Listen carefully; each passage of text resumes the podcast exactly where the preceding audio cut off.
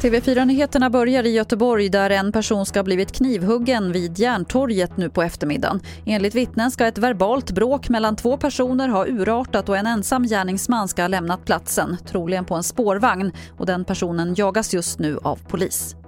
Så kan vi berätta om en ny oroande utveckling när det gäller kränkningar och övergrepp på nätet. En ny rapport från Plan International visar att över hälften av alla flickor och kvinnor har utsatts.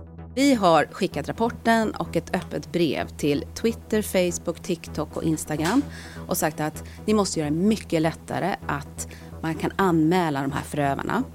Och det går att göra idag men det händer ingenting säger de här unga flickorna. Det sa Marianne Eriksson på Plan International.